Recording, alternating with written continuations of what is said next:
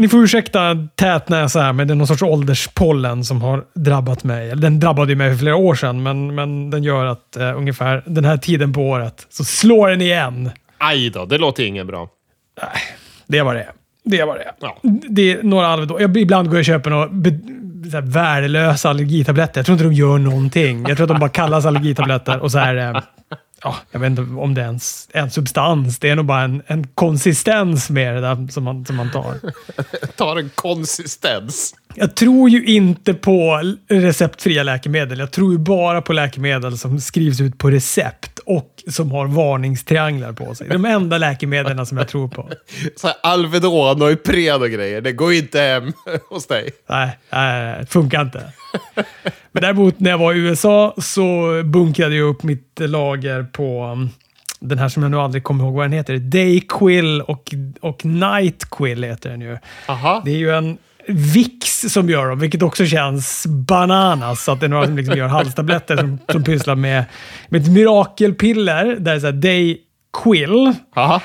är typ så här, f- t- två Alvedon, en Ipren, hostmedicin och morfin i ett. Och sen så har du den här som heter Day Night som är typ exakt samma sak och sömnmedel. Du vet, tar du en sån på kvällen, då däckar du. Det är som Kokilana eller vad det heter. Det är väl enda häxbrygden vi har i Sverige som Ja. medicin. Ja, den är potent. Den eh, drog jag i mig, men nu hittade jag en för sig en väldigt gammal flaska. Den hade nog gått ut för typ två år sedan, så att den hade nog mattats av. Men den hämmade min hosta i alla fall. Och sen så tog jag bilen till innebandy och när jag kom hem sen så insåg jag, fan jag tror inte att jag får köra bil på den där jäveln. Ja, härligt. Du som nyss har fått körkort också.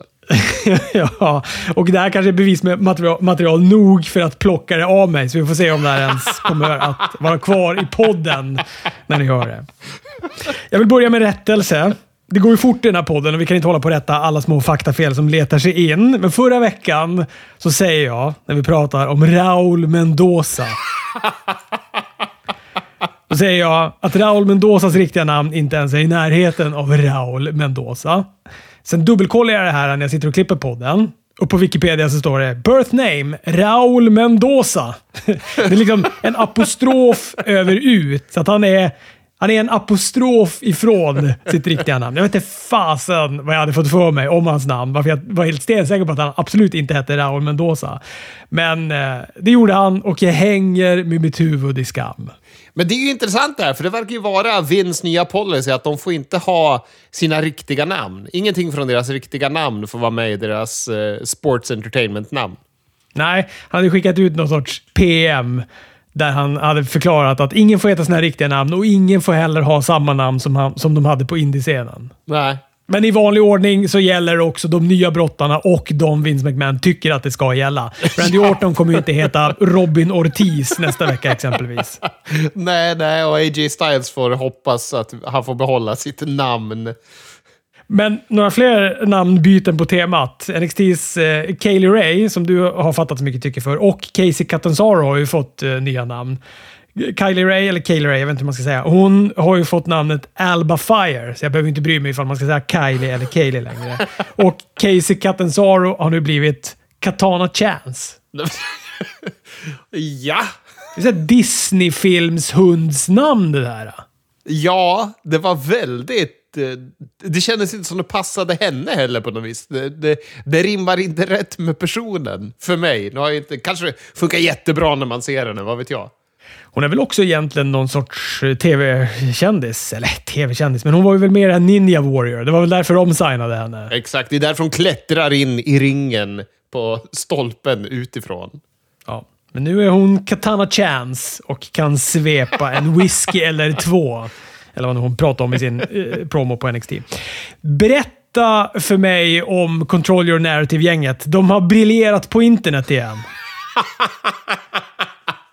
Alltså, man kan ju tycka att AEWs brottare ska hålla sig borta från Twitter ibland för att de inte har någon mediaträning.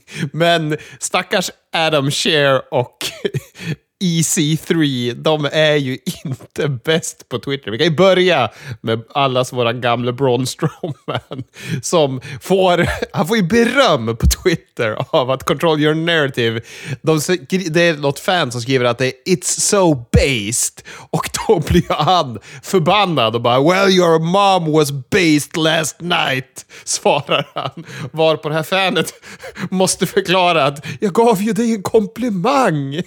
Han kan inte, han kan inte se skillnaden på en komplimang och kritik. Det är ändå fascinerande. Nej, det, det är som att de är så förinställda på att folk ska kasta skit på Control Your Narrative, så de hugger vad en folk skriver. Jag tycker det är fantastiskt. Ja, men ramar inte det där in Control Your Narrative på ett ganska bra sätt också? Jo, det gör ju sannerligen det. Men sen har vi ju även Ethan Carter the third då, som um, tror att han postar med ett annat konto än sitt eget. Så han börjar liksom posta om att man inte ska dela saker bara för uppmärksamhet. Och sen så börjar han argumentera med sig själv.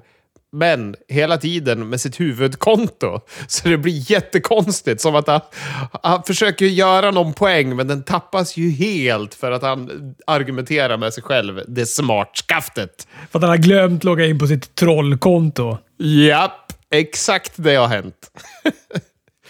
Allt i en vecka ändå. Bra jobbat, Control Your Narrative. Berätta om LA Knight också. Ja, innan Smackdown nu i fredags, då var ju han på main roster. Som manager. Åt Face. Ja, ni hörde rätt. Inte Mace. Mace heter nu Face och är med i, i LA Knights Model Agency. Vänta nu, det här har jag missat helt och hållet. Han, vadå på... Men det var ju inte på Smackdown. Jo, dark match på Smackdown. Ja, det var en dark match. Okej. Okay. Okej, okay, så Mace är nu Face? ja! Mace är face och LA Knight har en modell agency som han då har rekryterat in face i. Men kör han fortfarande med masken då, eller har han plockat av sig ma masken nu då? Mace? Det har jag inte. Jag har bara, jag har bara, bara sett stillbilder på det här och då hade han ingen mask, men han är ju fortfarande i så här uh, warpaint. Det kan ju dock ha varit en gammal bild ska sägas. Men det känns ju jättemärkligt och det känns som att det är minsta möjliga effort också. Att ja, men vi gör han till en modell och så döper vi om han från Mace till Face. För man har ju ett face som säljer när man är en modell. Det är så jävla dåligt. Jag är ett stort fan av Rick the Model Martell, så att eh, allt som har med modellgimmick att göra det är jag på, men eh, det låter ju märkligt där. Det slår mig att han, de, den där masken plockade de för sig av för länge sedan. Både han och eh, Dajakovic, som jag nu inte kommer ihåg vad han heter. T-bar. T-bar, just det. De plockade av masken och så fick de de här uh, målningarna i fejan istället. Ja. Just det. Ah, ja, ja, men där ser man. Okej, okay, så LA Knight som manager och har någon sorts modellagentur och Face är hans brottare. Ja, jag tycker att det smakar gott än så länge, Chris. Det tycker jag att det gör. Ja, men det känns ju ändå som att det är rätt väg att gå med LA Knight om de ska behålla honom. För att han är ju en svagare brottare än vad han är på micken. Så att det kan ju funka bra om man sätter honom med rätt personer och så vidare. Absolut, han kan ju axla lite samma roll som MVP hade. Alltså att han kan vara manager så kan han hoppa in och brottas lite då och då när det behövs. Exakt. Eh, från det ena till det andra. Tony Khan har bekräftat att AWs tv-spel, konsolspel, datorspel, hur ska jag säga för att inte låta som en boomer, Chris? jag tror bara du ska sluta prata då. Nej. Deras spel kan vi landa i. Deras spel ska heta Fight Forever. Och eh, de ska också ha bett fansen ifall de kunde ropa lite slagord som de kunde banda nu när de var i, i Pittsburgh. Kul! För det var bra publik i Pittsburgh.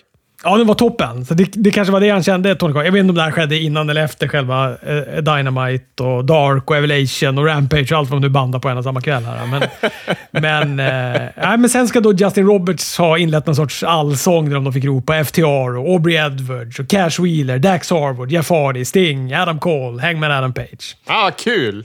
Roligt. Du vill också blåsa liv i någon eh, gammal skröna. Den här Stephanie McMahon, eh, Machoman. Eh, skrönan som har legat och skvalpat så länge. Ja! Det är ett gammalt rykte att Macho Man ska ha haft en eh, relation med Stephanie McMahon när hon var minderårig och att det är därför han aldrig fick komma tillbaka till WWE och därför man liksom har gett honom kalla handen. Det har inte varit någon Hall of Fame. Nu vart han ju invald i Hall of Fame efter sin, sin bortgång. Det vart vi ju rättad här för några månader sedan när vi satt och spekulerade i att han inte var med i Hall of Fame. Men det var han ju. Eh, men nu har ju hans vad heter det, ex Gorgeous George, han köpte ju det namnet av The Maestro, va? I WCW, som hade fått det av sin ja, vad han nu var till den riktiga Gorgeous George. Hur som helst, hon var på någon sån här virtuell signing eller liknande här i veckan när hon bekräftade att Randy Savage hade berättat för henne att det var sant att de hade haft en relation när Stephanie var Enligt berättelsen så skulle hon ha varit 14, men enligt årtalet som Gorgeous George säger så borde hon ha sa 14. 14 ska hon ha sagt och enligt årtalet som hon sa så borde hon ha varit 18. Så det är lite diskrepanser i storyn. Den kan ju vara helt falsk. Hon kanske bara vill få uppmärksamhet. Vad vet jag? Men det är första gången liksom någon har bekräftat att Randy har sagt något om det. vi har fått mycket shower den här veckan. Eller, vi har fått eh, lika många shower som vi brukar få, men vi har fått en extra show av eh, AW om inte annat. Eh, fredag, lördag och onsdag var det AW-kvällar. Rampage, Battle of the Belt och eh, Dynamite. Amen. Jag tycker att Rampage var bra. Jag tycker att den här Texas Deathmatchen var toppen. Det var så Aj, fruktansvärt bra som, som de gick. Framförallt eh, när det kommer till timing. Det var så mycket snygga grejer. Den här Ariana Moonsaulten som eh, Hangman gör. Från ringen ut och så möter Adam Cole med en välplacerad superkick. Mycket delikat. Vi har säkert sett den tidigare, men ändå. Det är så fruktansvärt snyggt när de lyckas tajma det där. Ja, verkligen. Alltså, han fortsätter gå fenomenala matcher, Hangman Adam Page. Alltså. Ja, det är också en liten procent i mig som trodde att eh, Cole skulle ta titeln här. Ja, jag med. Men man förstår ju nu att de bygger ju mot Punk och Hangman. Det kanske man skulle ha förstått redan, att det inte var en suck att Cole skulle få den där. Ja, men det är det som känns. Det känns som att Adam Cole är lite slöseri med namn för att vara en sån bara ett mittemellan motstånd. Alltså ett motstånd oh, ja. i väntan på nästa motstånd. Han är ju... Alltså, egentligen så känns det ju som att ifall man skulle få, måste välja mellan CM Punk eller Adam Cole, om, jag, om någon sa vem av de här tror du kommer bli nästa AW-champ? Då hade jag ju trott Adam Cole, för att han känns ändå mer framtid. Han känns... Alltså CM Punk Absolut, han är stor, han är känd och sådär, men han behöver ju inte ha det bältet. Och ja, han kan få ha det en kort stund bara för att han får bocka av det på sin eh, bucketlist, att han ändå fått vara AW-champ. Och jag tycker att han är bra. Det känns som att han är kanske bättre nu än någonsin, så att jag egentligen svamlar väl bara när jag eh, teoretiserar kring det här.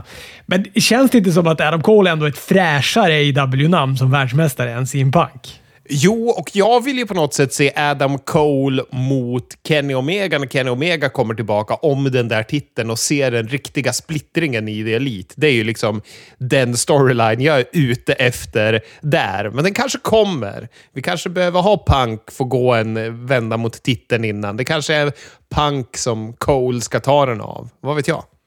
Han avslutar i alla fall med en vansinnig deaden från ringkanten genom ett bord och tog vinsten. Adam Cole fick också någon sån törnekrona av, av Hagman precis innan. Det var ju, var ju bibliskt. Ja, på påsk. Jag tycker det är jätteroligt. Det är ju eh, tjusigt. Ja, mycket bra match. Vad hade vi mer? Öppningen var Blackpool Combat Club mot Gun Club. Det tyckte jag var en underhållande match. Utah över. Väldigt över. Oh ja. Undvek en Famouser. Fick också ta pinfall på Billy Gunn.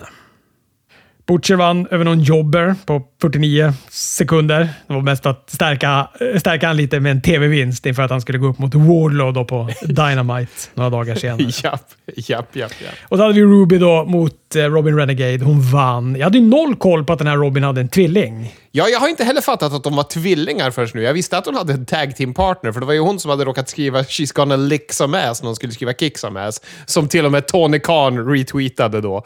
Men nu fick vi se en klassisk demolition manöver. Jag kallar det för demolition manöver. Är man old school så säger man ju tydligen killer bees, men för mig så var det demolition när de var tre som stökade kring. Ja, och då ska du veta att jag har skrivit en klassisk Bella Twins-mix. Så att, eh, så old school är jag. Och nu skrattar jag så det distar, ser jag i micken. för att du vart... Tydligen så hånar jag dig för att du har halvmoderna referenser. Vilken härlig poddkollega jag är. Först så tänkte jag skriva hon gör den här doink-grejen, men eh, sen så kände jag att det är lite mer kanske Bella Twins här. Då. Men ja, det gav ju föga i alla fall. Ruby vann utan större problem. Ja, det var konstigt dock att de gjorde hela den där grejen med att de är tvillingar, men sen vann Ruby ändå. Det var en märklig match. Sen hade vi då Battle of the Belts som eh, jag tyckte var bra. Det var tre ganska lätt tittade matcher. Inte ett jävla pingpongande med TNT-titeln. Det gillar jag dock inte. Sami tar ju tillbaka den här i öppningsmatchen. Eh, det var en bra match, men publiken de buade ju Sami bara mer och mer under den här matchens gång. Oh, oh, oh ja. Oh ja. Snacka om att han har fått samma sorts hetta som Cody hade. Det är ju samma hetta som det är alltid typ som Roman hade innan man fattade att han skulle vara heel. Att vi vill inte ha det här. Nu försöker ni ge oss någonting bara för att ni vill att det ska vara på ett sätt. Det funkar ju aldrig. Äh, Codys hette och spillit, äh, spullit, spilt, ja, hur man nu pratar svenska, har spilt över på, på Sammy och Brandys heat och har spilt över på Ty Conti. De är inte särskilt imponerade av henne heller.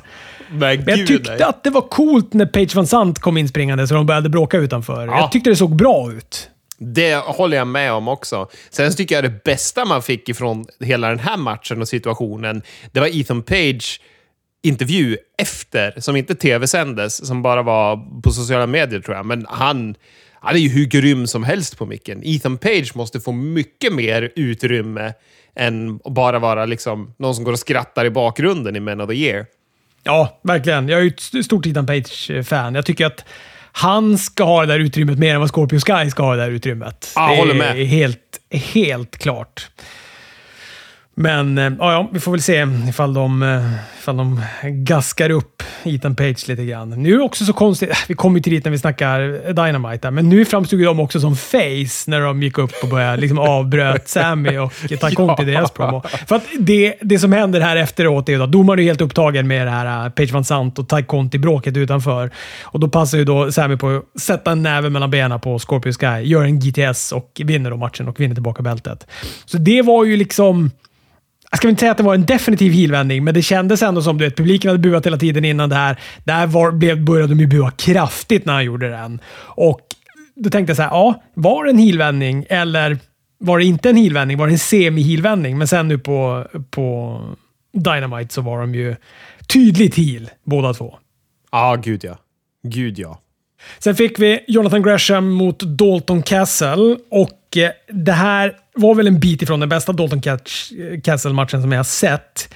Men jag tycker att den var riktigt, riktigt bra. Jag tycker att det är så fruktansvärt kul att se han. Och hans boys är hypnotiserande.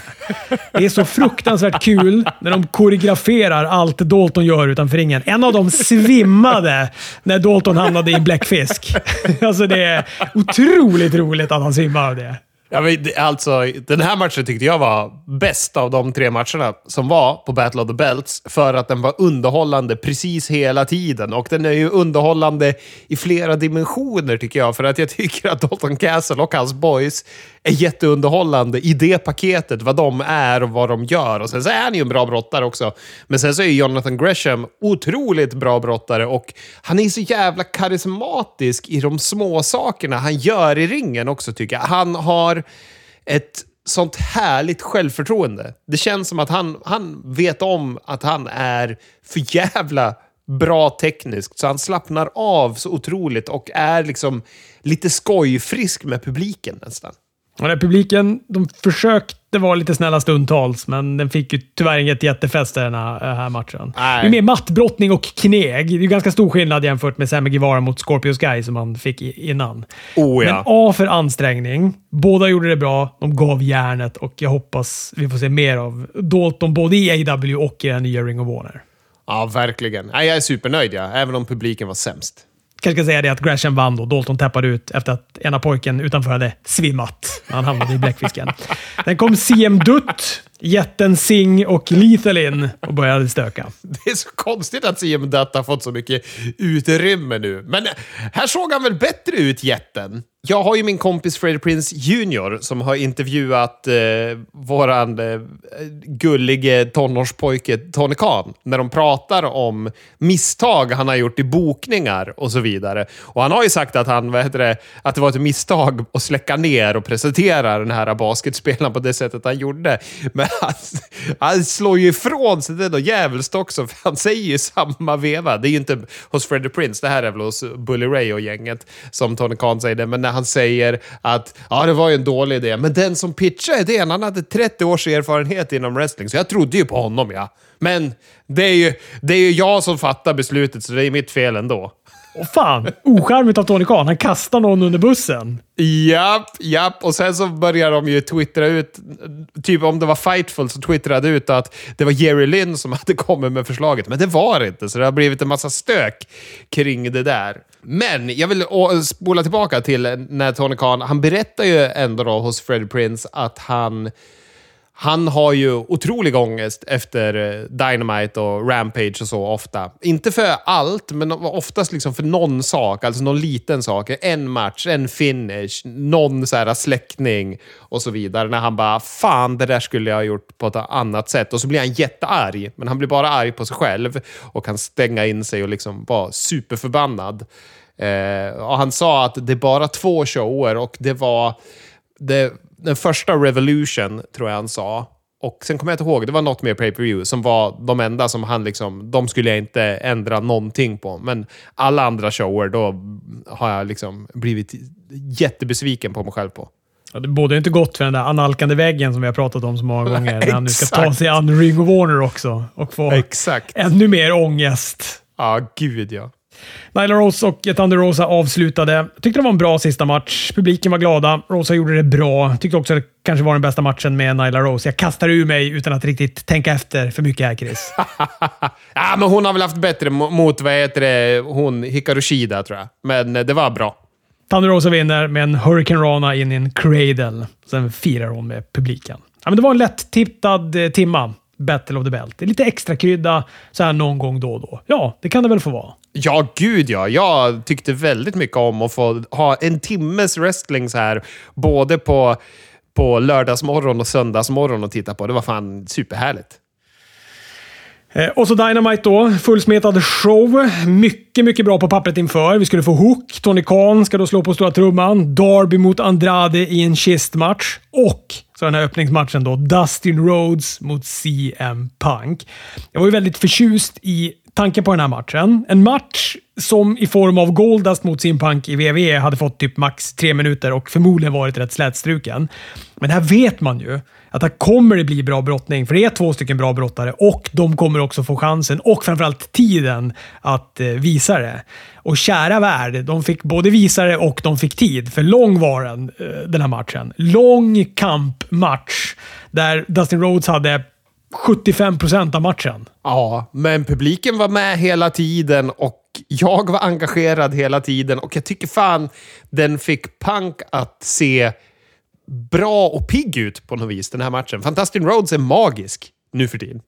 Ja, jag var inne på det också tidigare. Det känns ju som att eh, Simpunk är ju kanske den bästa Simpunk-versionen någonsin just nu. Han är ju han är så fantastiskt bra och att han också så här försöker göra typ alla möjliga olika stilar på en och samma gång. Det känns som att han leker lite. Han tänker så här, men okej, okay, mötte jag Penta Obskyro, eller vad fan han nu heter, eh, förra gången. Då ska jag vara lite lucha libre. Ja, jag halkar av repet när jag ska göra någon sorts huvudsaxa från topprepet och grejer. Och här så jag så här, men nu ska jag vara teknisk Bret Hart-brottare och bara brottas super, super tekniskt. Ja, superhärligt är det. Ah, jättekul! Kul! För man var ju så här ljummen på CM Punk ett tag när han bara gick in och pratade och vad heter det, bara kommer det här bli bra? Men det vart ju bättre och bättre och bättre hittills. Sista tio minuterna var bara Dustins. Han gör alla sina signaturgrepp. Det är Bionic Elbow, det är Canadian Destroyer, det är Spinebuster, Dropdown Uppercut, Crossroads och så vidare. Men sen fastnar han i en brygga och eh, Punk vinner.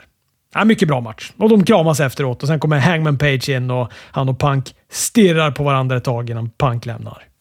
Blackpool Combat Club vann över Dante Martin, Lee Moriarty och Brock Anderson. Ganska klassisk upp, uppvisningsmatch. Nästan alla fick, eh, fick väl visa upp sig. Eller eh, Brock Anderson fick väl kanske inte sådär jätte jättemycket i den här matchen. Men eh, jag tyckte den var bra. Ah, han fick, han fick ju en spinebuster i alla fall. Och det är väl det han kan. Men vad heter det? Det var en bra match på många sätt. Bäst av allt, det är att Wheeler Utah har nya tights. Som är mycket bättre än hans de här Tron-tightsen han har haft. Nu hade han ju några vita med blodfont på, vilket passade bättre på honom. Men sen så tycker jag att det verkade som att det var mycket nerver. Det var ju mycket slarv från brottare som inte slarvar. Om vi, vi tar Lee Moriarty och vad heter det, Dante Martin. De brukar inte vara så slarviga som de var här, men det kändes som att allt gick lite för fort. Det var lite för mycket adrenalin och det är härligt att se när de är liksom lite övertaggade. Sådana matcher tycker jag om. Backstage är Adam Cole, Kyle O'Reilly, Bobby Fish och Bucks tydligen Undisputed Elite. För mig kom det här namnet som från ingenstans. Jag hade ingen aning om att de kallade sig det här. Nej, det vart väl trademarkat för typ två veckor sedan eller något. Men... Eh, ah, Okej, okay, så då, det, då är det inte så konstigt. Då är det nytt alltså? Ja, precis. Det är det. Ja, de pratar i alla fall. De ska gå en 10 manna tag team match nästa vecka. Nu ska de återskapa momentum och respekt i Undisputed Elite. Jag tycker Bobby Fish är bäst i den här promon. Han står ju och bara är förvirrad i bakgrunden och ser ut som att han, han försöker vara utklädd eller något med sina solbrillor och vägrar erkänna att han har förlorat. Han står bara och mumlar i bakgrunden. Och även att det är typ en klippmiss i slutet för Kyle O'Reilly råkar säga Brandon istället för Landon och håller på att börja skratta precis innan de ska klippa och gå ur, ur segmentet. Vi får Tony Khan i sin snygga jacka, som jag gärna vill ha. Någon får gärna säga hur jag hittar den där. Han presenterar här sitt tillkännagivande. Det är en nervös Tony Khan, som, som vi älskar honom. När han kommer in och pratar sådär högt upp i halsen. Han säger också något väldigt konstigt i början. Jag önskar att jag hade skrivit ner det, för jag kommer inte riktigt ihåg i huvudet. Men det är typ något sånt här “Hello Pittsburgh! Are you ready for announcement? Pittsburgh, hello!” Eller sånt där. Det blir bara jätte, jättemärkligt det han säger. Ja, men varför kommer han in till Dynamite-låten fast de liksom tonar upp loopen som de kör när det är reklam? Det är fan sämst. Det är så jävla dåligt. Ja, men han presenterar i alla fall då Takami Obehari som är the president of eh, New Japan Pro Wrestling. Sen, och här får jag ju gåshud eh, och det grövsta. Det här har ju ändå varit prat om länge att, det, att eh, New Japan och AW kommer eller är på gång att ha någonting tillsammans. Och Det är ju det de här två ska berätta då, men då avbryter Adam Cole det hela på storbildsskärmen. Han säger att är det någon som ska tillkännage det här så är det han. Och så presenterar han då pay-per-viewen Forbidden Door. En AW New Japan Supershow på United Center i Chicago 26 juni. Det är mitt i midsommarhelgen som vi får det här. Den här rackaren. Men jag vill bara säga att New Japan-presidenten kommer ju också in till en jävla upptonad loop av dynamite. Låten, Det är ju så dålig presentation här. Trots det så satt jag med gåshud. Det Adam Cole gör sen är att han säger att han ska möta eh, Tomohiro Ishii. Ursäkta, nu är den här eh, kokiliana-hostan tillbaka. Och sen så säger han då att han ska möta Tomohiro Ishii i en sån här Owen Hart kvalificeringsmatch på Rampage till publikens stora förtjusning. De går ju bananas när han säger det här. Och sen presenterar han då Jay White som kommer in och är lite kaxig. Och när Jay Whites låt går igång så gör också Tony Khan något sånt här bedrövligt överspel. Som att han blir överraskad att Jay White är här! ja. ja. Han är ju inte en stor skådespelartalang, men det är underbart. Jag tycker också att det här skulle ha varit Jay Whites entré i AW istället för när de fick liksom kasta in för att Tony Khan fick panik för att han hade lovat en förbjuden dörr i med signingen av Keith Lee och fick lite kalla fötter där. Det här tycker jag hade varit bättre. Men, men. Ja, jag håller med. Ja, men kul. Kul med pay-per-view. Omega och Ibushi blir man ju direkt sjukt sugen på att se. Och Okada och Omega blir man också helt sjukt sugen på att se.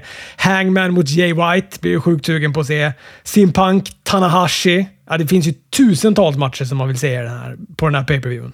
Ja, gud ja. Det ska bli intressant att se om det kan bli ett fortsatt samarbete liksom mer. Om det verkligen är första steget. För de har ju pratat om det nu i timmarna och dagen efter Dynamite, att det här är bara första steget. Liksom. Så att, ja, spännande. Och jag såg även att Meltzer twittrade ut att Invasion pay per viewen som eh, WWE hade, nu ska man ju komma ihåg att det var ju sopnamn på den pay per viewen men den hade ju så 800 000 buys på den tiden. Och den var den största pay per viewen utöver WrestleMania det året. Och säkert på flera år, tror jag. Så att det finns ju potential när man gör såna här saker. Nu var väl ändå WCW lite större i USA än vad New Japan är. Jag tycker att alltid New, New Japan har ju alltid lite svårt när de är i USA. Jo, men vi ska ju komma ihåg vad som hände när vad heter det, Jericho skulle möta Omega. Då hände det grejer med New Japan World till och med, som är den sämsta streamingtjänsten bland sämsta streamingtjänster. Ja, Åh, oh, fan. Det var, jag önskar så mycket att han hade sagt också bara och by the way, nu lanserar vi en egen streamingtjänst där, där vi har, plockar in New Japan Strong och allt New Japan gör i våran eh, streamingtjänst. Eftersom New Japan har ju tagit allt som eh, AW gör. Man kan ju se både Dynamite och Rampage nu på New Japan World. Ja, det är spännande. Det börjar hända grejer. Det är fan kung. Wardlow och Butcher gick en ganska styltig match. Publiken är rätt ointresserade fram till att Wardlow sätter igång med en powerbomb-symfoni och vinner. Då vaknar de till. Det är lite oroväckande att de inte har något tålamod med han överhuvudtaget. Ja, men de har väl alltså... Det var ju en konstig bokning. Butcher är ju inte ett hot mot Wardlow. De skulle ju satt någon annan mot han, kan jag tycka. Det räcker inte att spöa en jobber på Rampage för att vara ett hot. Men det, det börjar ju det här med att Wardlow anländer till arenan tidigare och de sätter på han handbojor. Han får bara byta om i en skrubb och han måste ha handbojor på sig hela tiden. De kan hjälpa honom att byta kläder om han vill. Det är Smart Mark Sterling som håller på med det här. Men jag sitter bara och är distraherad av en av säkerhetsvakterna som jag är rädd ska börja sjunga Mercedes-Benz för att han är så jävla lik Orup. Men jag tycker också att Wardlow är jättebra i det här segmentet. För det är en liten sån här detalj som skulle kunna vara klassisk dålig wrestling-tv. För de bara släpar iväg honom med handbojorna och ska gå iväg. Men han har ändå sinnesnärvaron och säga åt dem att plocka med hans väskjävel så inte den står kvar. Och det tycker jag är små saker som man ska berömma ändå. Så bra där Wardlow, för fan. Ja, nästa vecka möter han ju då Lance Archer. Vi fick ett segment backstage där MJF skickade en näve pengar till Jake the Snake Roberts. Jag trodde inte att de eh, höll ihop längre, de två, men det gjorde de tydligen. Ja, han har ju haft, vad heter det, Dan Lambert. Det var rörigt nu att det bara var Jake, helt plötsligt. Kyle O'Reilly vann över Jungle Boy. Jävla soprent vann han den här matchen. Otroligt oväntat. Jag blev väldigt, ja. väldigt överraskad. Det kändes som att det var en miss nästan när det var där. Men det var ju inte det. Men det kändes så för det kom så plötsligt. Och jag tycker att det är Kyle O'Reillys bästa showing i AEW också. Jag tyckte han var fenomenal i den här och gjorde många liksom, ja, men innovativa grepp. Hook vann över Anthony Henry i sin Dynamite-debut. Efter några slag så dyker Danhausen upp under ringen. Försöker fördöma Hook. Går ju självklart inte den här gången heller. Nu tröttnar Danhausen och utmanar då Hook till en match.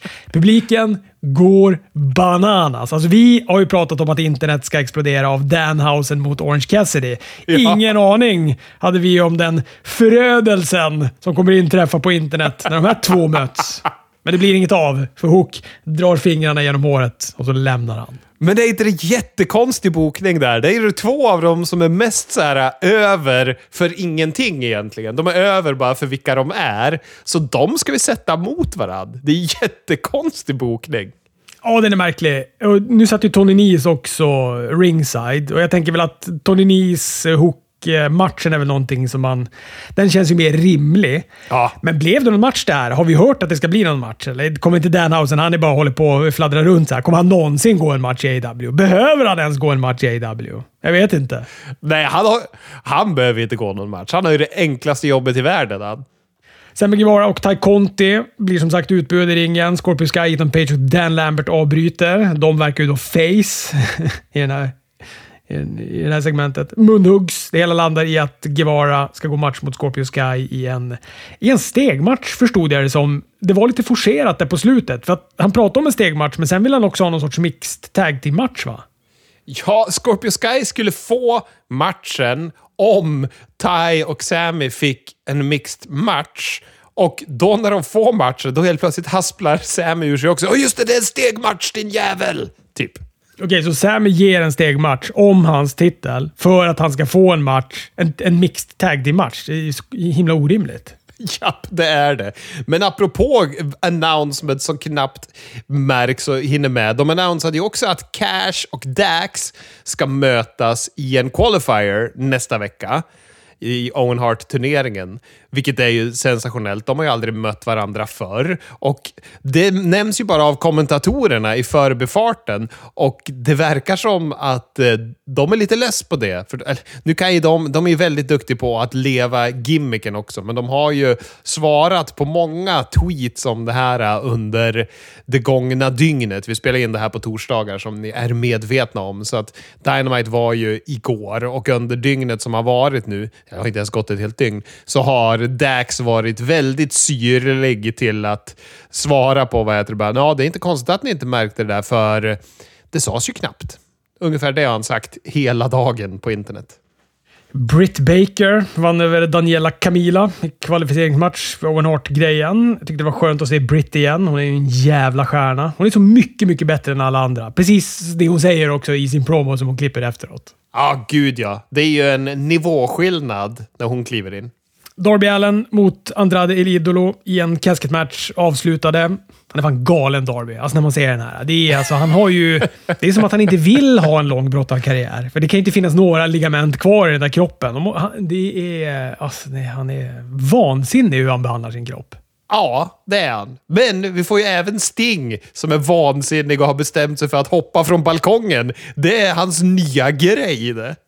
Ja, precis. Han, um, han tog ut då Mark Quinn, Blade, Jose och uh, Sting. Då. Alla de här är ju, lägger sig i den här matchen. Och, uh, Sting står ju först i någon sorts mask. Han står i Stingmask och skylt i publiken. Sen så börjar någon av dem mucka med honom och då sliter han av sig Stingmasken och då är det Sting under Stingmasken och då hjälper han då Darby. Tar ut alla de här då med ett dyk från någon sorts läktare eller balkong. Då. Högt upp är det i alla fall och han är gammal så det är vansinnigt. Och fränt. Ja, för nu var det inga bord han hoppade igenom heller. Nu kastar han sig på en massa brottare och vi vet ju alla att brottare är kass på att fånga varandra när de står i klunga. Då missar de ju alltid, men här gick det bra. Tack och lov. Men är det inte också lite så att när de vet att nu kommer ändå en... Vad sa du att han var? Är han 62 år gammal eller? Ja, men något sånt. Ja, nu kommer ändå en 62 år gammal Sting flygande så här. Då, då får vi fan skärpa oss. Nu får vi se, se till att ta emot honom. För det, det känns ju som att han landar bomullsmjukt. Ja, gud ja. Det är skönt. Det. Men han tog ju även en share shot som jag inte tyckte var sådär supermjuk av Mark Quinn. Det var ju inte någon safta på Attitude Era-smäll, men det var inte sådär äh, Hulk Hogan-mjuk heller. Darby gör en eh, topé suicide och eh, båda de här två hamnar i kistan. José kommer springandes. Han hamnar på det här häftstiftsbesmyckade kistlocket som Darby då har snickrat ihop. Darby hoppar sen igen kistlocket och vinner matchen. Den var bra. Den var kul. Men nu såg du... Ja, det var den sannoliken. Men nu såg du ju Josés bra kropp. ja, ja, verkligen. ja, men kul. Det var ju tre stycken jävla toppen Dynamite-shower där. Ja, jätte, jättekul. Eller Dynamite AW-shower. Jättebra AW-shower. Kul. Lätt tittat trots två timmar Dynamite och de andra två bara flög ju förbi. På Smackdown har vi ingen Roman Reigns. Vi har inget bygge. Vi får inte veta vad han ska göra på WrestleMania Backlash. Ska han ens vara med på WrestleMania Backlash? Han dyker inte upp på Raw heller sen, så han är ju han är liksom både Smackdown och Raw Champ. Om man tänker så här, men man, man slog ihop de här bältena för att man ska kunna köra nu Roman Reigns överallt och hela tiden. Men då när de väl har gjort det, nej, då är han ingen, ingenstans istället. nej. Synd, för han är ju bäst. Men Rhea Ripley däremot, hon är nu ute ur protokollet. För hon är på Smackdown och hon går en match mot Naomi. Jag tyckte att den var bra. Jag tyckte att den var till och med riktigt bra mot slutet. Fortfarande ingen tag team titelmatch. Den sparade de till Raw och vi kommer dit. Drew Gulak har fått en ny roll som backstage announcer. Det kom ju från ingenstans att han helt plötsligt var backstage reporter. Och han slår mig inte som den mest karismatiska att sätta som det heller. Jag tycker det var väldigt lustigt att se honom där.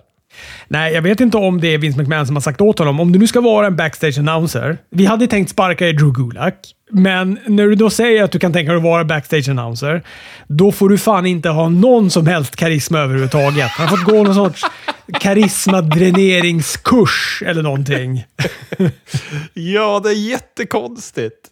Ja, men han intervjuar då Madcap Moss, som tyvärr inte har fått någon ny roll. Han har samma skitgimmick. Vilket gör mig lite ledsen. Jag hade hoppats på att de skulle putsa till den lite nu när han blev face.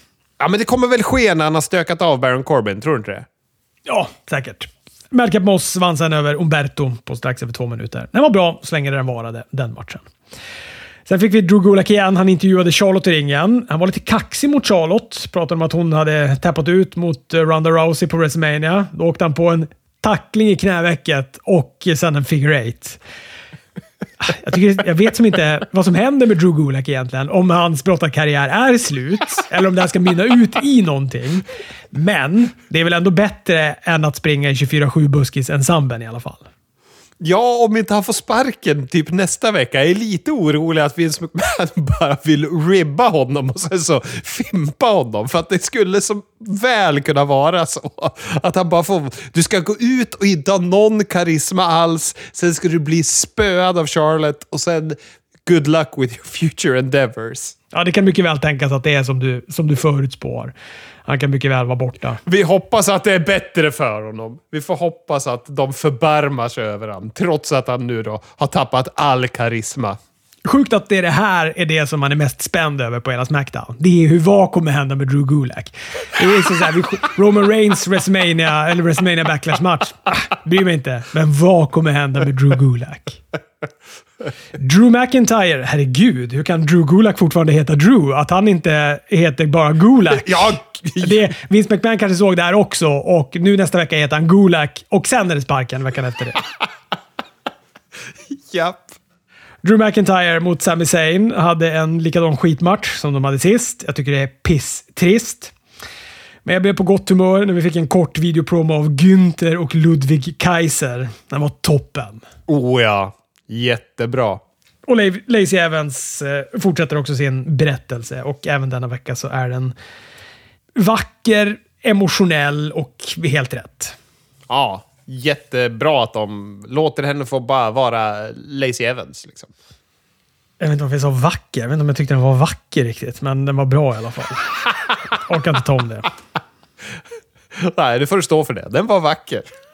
Ricochet och Jinder Mahal hade en kort match. Den var helt okej, okay, men kändes ganska betydelselös. Ricochet vann. Tydligen så var titeln på spel. Jag tycker det är så trist, för jag känner att jag bara sitter och rabblar. Det, det blir ju att man rabblar busstidtabell. Men det är ju också för att det inte finns... Det finns ju inte någon nerv i några av de här matcherna. Det är ju liksom det är bara matcher som är där. Det är inget att investera i. Här har vi en titelmatch. Den är över på tre minuter. Finns inget bygge, finns inget nerv, finns ingen orsak till varför jag ska bry mig om den här matchen överhuvudtaget. Nej, nej, jag håller med dig. Jag håller med dig till fullo. Tror väl dock att Jinder hade väl bett om den här matchen förra veckan och hade twittrat om det. Så där har du ditt bygge. alltså, Drew mot Sammy, det är också pissmatcher. Och Sammy kan ju inte se sämre ut som brottare när han beter sig sådär. Alltså det, egentligen spelar det ingen roll. Varför ska han vara brottare överhuvudtaget om han ändå inte bryr sig om han vinner dem? Om han inte bryr sig om att han blir uträknad, så spelar då, varför ska han ens bemöda sig att släpa sig till Smackdown? Gör något annat då. Det, uppenbarligen så spelar det ingen roll.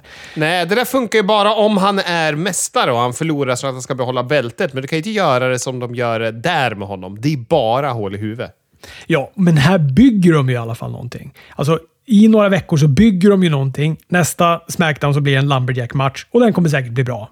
Kanske. Lumberjack är inte, det är inte mina favoritmatcher. Men de bygger ju i alla fall någonting och det mynnar ut i något. Det vill säga att det finns en orsak att titta på det och vara investerad i det. Ja, så är det ju. Det är en sån diametral skillnad mot att de bygger upp en match på Twitter mellan Ricochet och Jinder Mahal. Riddle mot eh, Jimmy Uso. De hade i alla fall en, en, en, riktigt bra avslutande match. Den här matchen var toppen tycker jag. Och publiken var på topp här också. Och Jay och Orton var i luven på varandra ringside. Det var jämnt, det var bra, det var nerfalls, det var alla klassiker. I slutet gick Jimmy för en pop-up Samoan drop. Riddle vände den till en RKO mitt i och vinner matchen. Orton, han var ta mig fan inne i ringen innan domaren ens hade böjt sig ner för att börja räkna till tre. Han var så glad och ivrig att få komma in och fira med Riddle. Ja, men jag älskar Randy Orton nu. Han, han har ju perioder. Han måste få vara tråkig i ett år. Sen så är han hur bra som helst. Sen så blir han tråkig i ett år igen. Men nu är han i en av sina så här, high points och då är han fantastisk. Bra avslut på ett ganska slätstruket eh, Smackdown. Raws avslut däremot, Oh boy vad uselt det var. Seth Rollins vill ha in Cody. Det är så det öppnar då. De undhuggs, de fortsätter bygga deras fade. Det här slutar då med att Seth utmanar Cody att möta en motståndare som han sen då väljer. Och det är också det då som blir vårt main event, så stay tuned. Vi får då den här efterlängtade tag team-titelmatchen. Eller efterlängtade, det är ju mest jag som har hakat upp mig på den eftersom den aldrig går av stapeln. Men jag gillar ju Lee Morgan och Rhea Ripley som tag team. Ja, kul för dig att du fick det här då. Ja, ty, tyvärr är du och nu historia eftersom Rhea vänder heel på Liv. Den här matchen hade ju också kunnat vara ganska bra. Men de vill ju bara få det överstökat. De vill ju bara få den här heelvändningen. Ja. Det är det, den är ju under en reklampaus hela matchen. Ja, jättesynd. Kort historia utan någon som helst kärlek. Sasha med en codebreaker. Naomi rullar upp Ria och vinner. Ria sur och jävlig på Liv Morgan efteråt för att hon inte hjälpte henne. Spöar på henne och vänder heel. Ja, synd. Jag tycker inte att de skulle ha brutit upp dem. Men vi får väl hoppas att det blir något bra av det ändå. Veer Mahon mördade någon förbättringsbrottare vid namn Jeff Brooks. Blev du glad va Chris? Om du nu fick se den? Jag har ju miss det här fick jag ju inte se och jag har inte fått se Ezekiel heller. Jag har ju fan sörjt Va? den här måndagen. Nästan så jag ville se det långa. Ja, men det var ett ganska roligt segment eller, med Ezekiel. Jag har bara sett det flimra förbi i, i periferin. Ja, du fick inte se hela lögndetektortestet alltså? Nej, va? har gått Nu måste du berätta. Nu, nu skiter vi i formatet när det kommer. Berätta ja. om musiken. Dramaturgiskt passande så kom det också efter den här Veer Mohan-matchen som också var bortklippt. Då.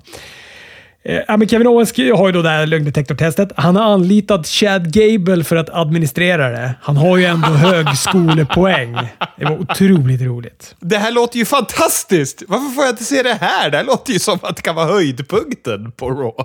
Givetvis ger det här lögndetektortestet då inget utslag. Ezekiel ljuger inte. Owens skyller det här resultatet då på Chad, lämnar ringen och Chad hoppar då sen på Ezekiel som Eh, ja, det här landar då i en match mellan de här två som Ezekiel vinner på en diskvalifikation eftersom att Otis springer rakt in i Ezekiel efter tre minuter. Nej, vad tråkigt då. Det låter ju som att det var roligt upp till det.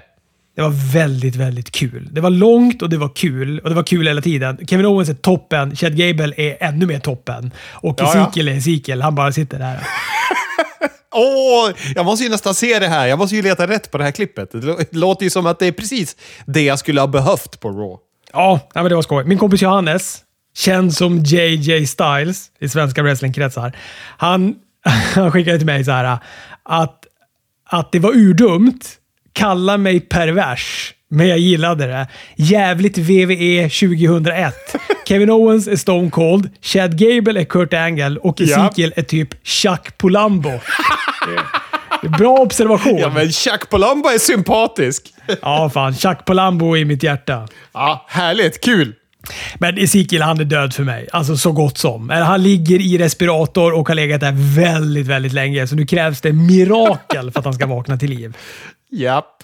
Men det är också att han inte får vinna. Jag är glad att Chad Gable slipper förlora en match. Det gör mig jätteglad. Men alltså att, att de inte ger Ezekiel en vinst i sin debut. Eh, om de nu är så här höga på honom. Jag tycker det är jättekonstigt. Ja, det är, det är, Ezekiel-grejen är ett mysterium för mig. Var de har, vart, vart ska det här? Men jag älskar ju när det är så här när man inte vet. Vad är för dumheter Vince har kommit på? Det här kan inte sluta bra. Och då, då, det kittlar någonting i mig när det bara kan bli en tågkatastrof. Street Profits och Randy Orton och Riddle går match mot varandra. Ja, de kör ju samma matcher då. Samma upplägg. Om och om och om och om igen. Efter ett tag in i matchen så kommer Usos musik igång, vilket distraherar RK Bro, så de förlorar. Enda räddningen i det här är ju att de går vansinnigt bra matcher varje gång. Japp, men det är ju det. Och Street Profits vände heel här, tror jag. För att de berättar ju då sen att det var de som hade... Ja, men de hade ju sett till att den här Usos-låten började spelas mitt i matchen för att de skulle bli, bli distraherade. Och det är väl healigt? Ja, det är det. Det måste man väl säga. Wish-versionen av House of Black har en promo. Den får för mycket tid och jag tycker den är ganska tråkig den här. Eh, jag vet inte, det är, du är väl lite mer hög på det här än vad jag är, men för mig gör det här fan ingenting. Jag tycker det var bäst att vi fick en repris på det konstiga ljudet och att man håsade upp det jättemycket. Det gjorde mig glad.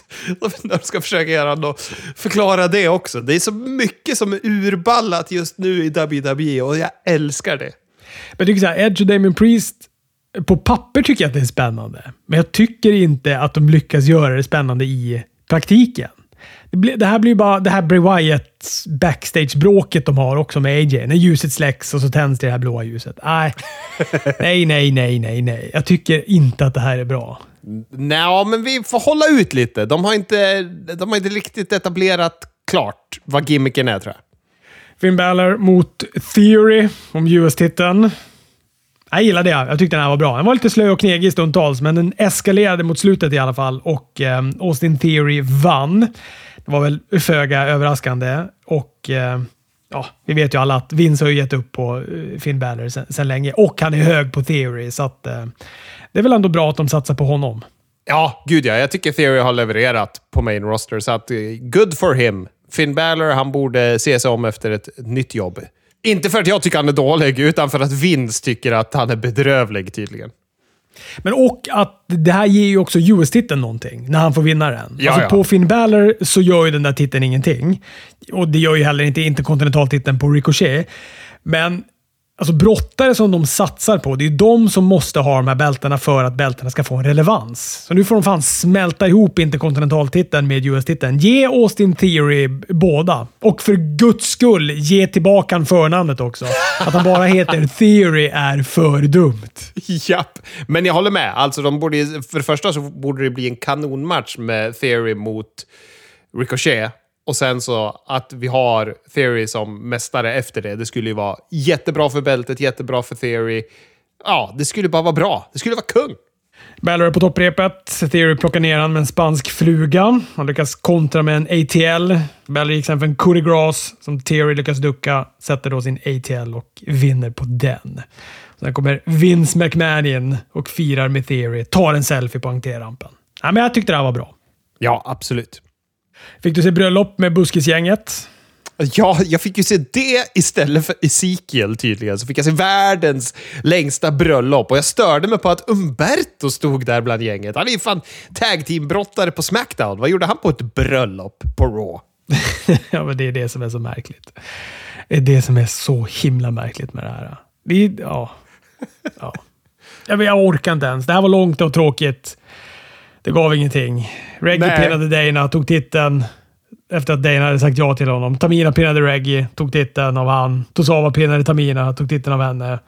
Dana pinnade Tosawa, tog tillbaka titeln. Slutet gott, allting bedrövligt. Jag måste säga att jag tycker Tosawa är lite rolig.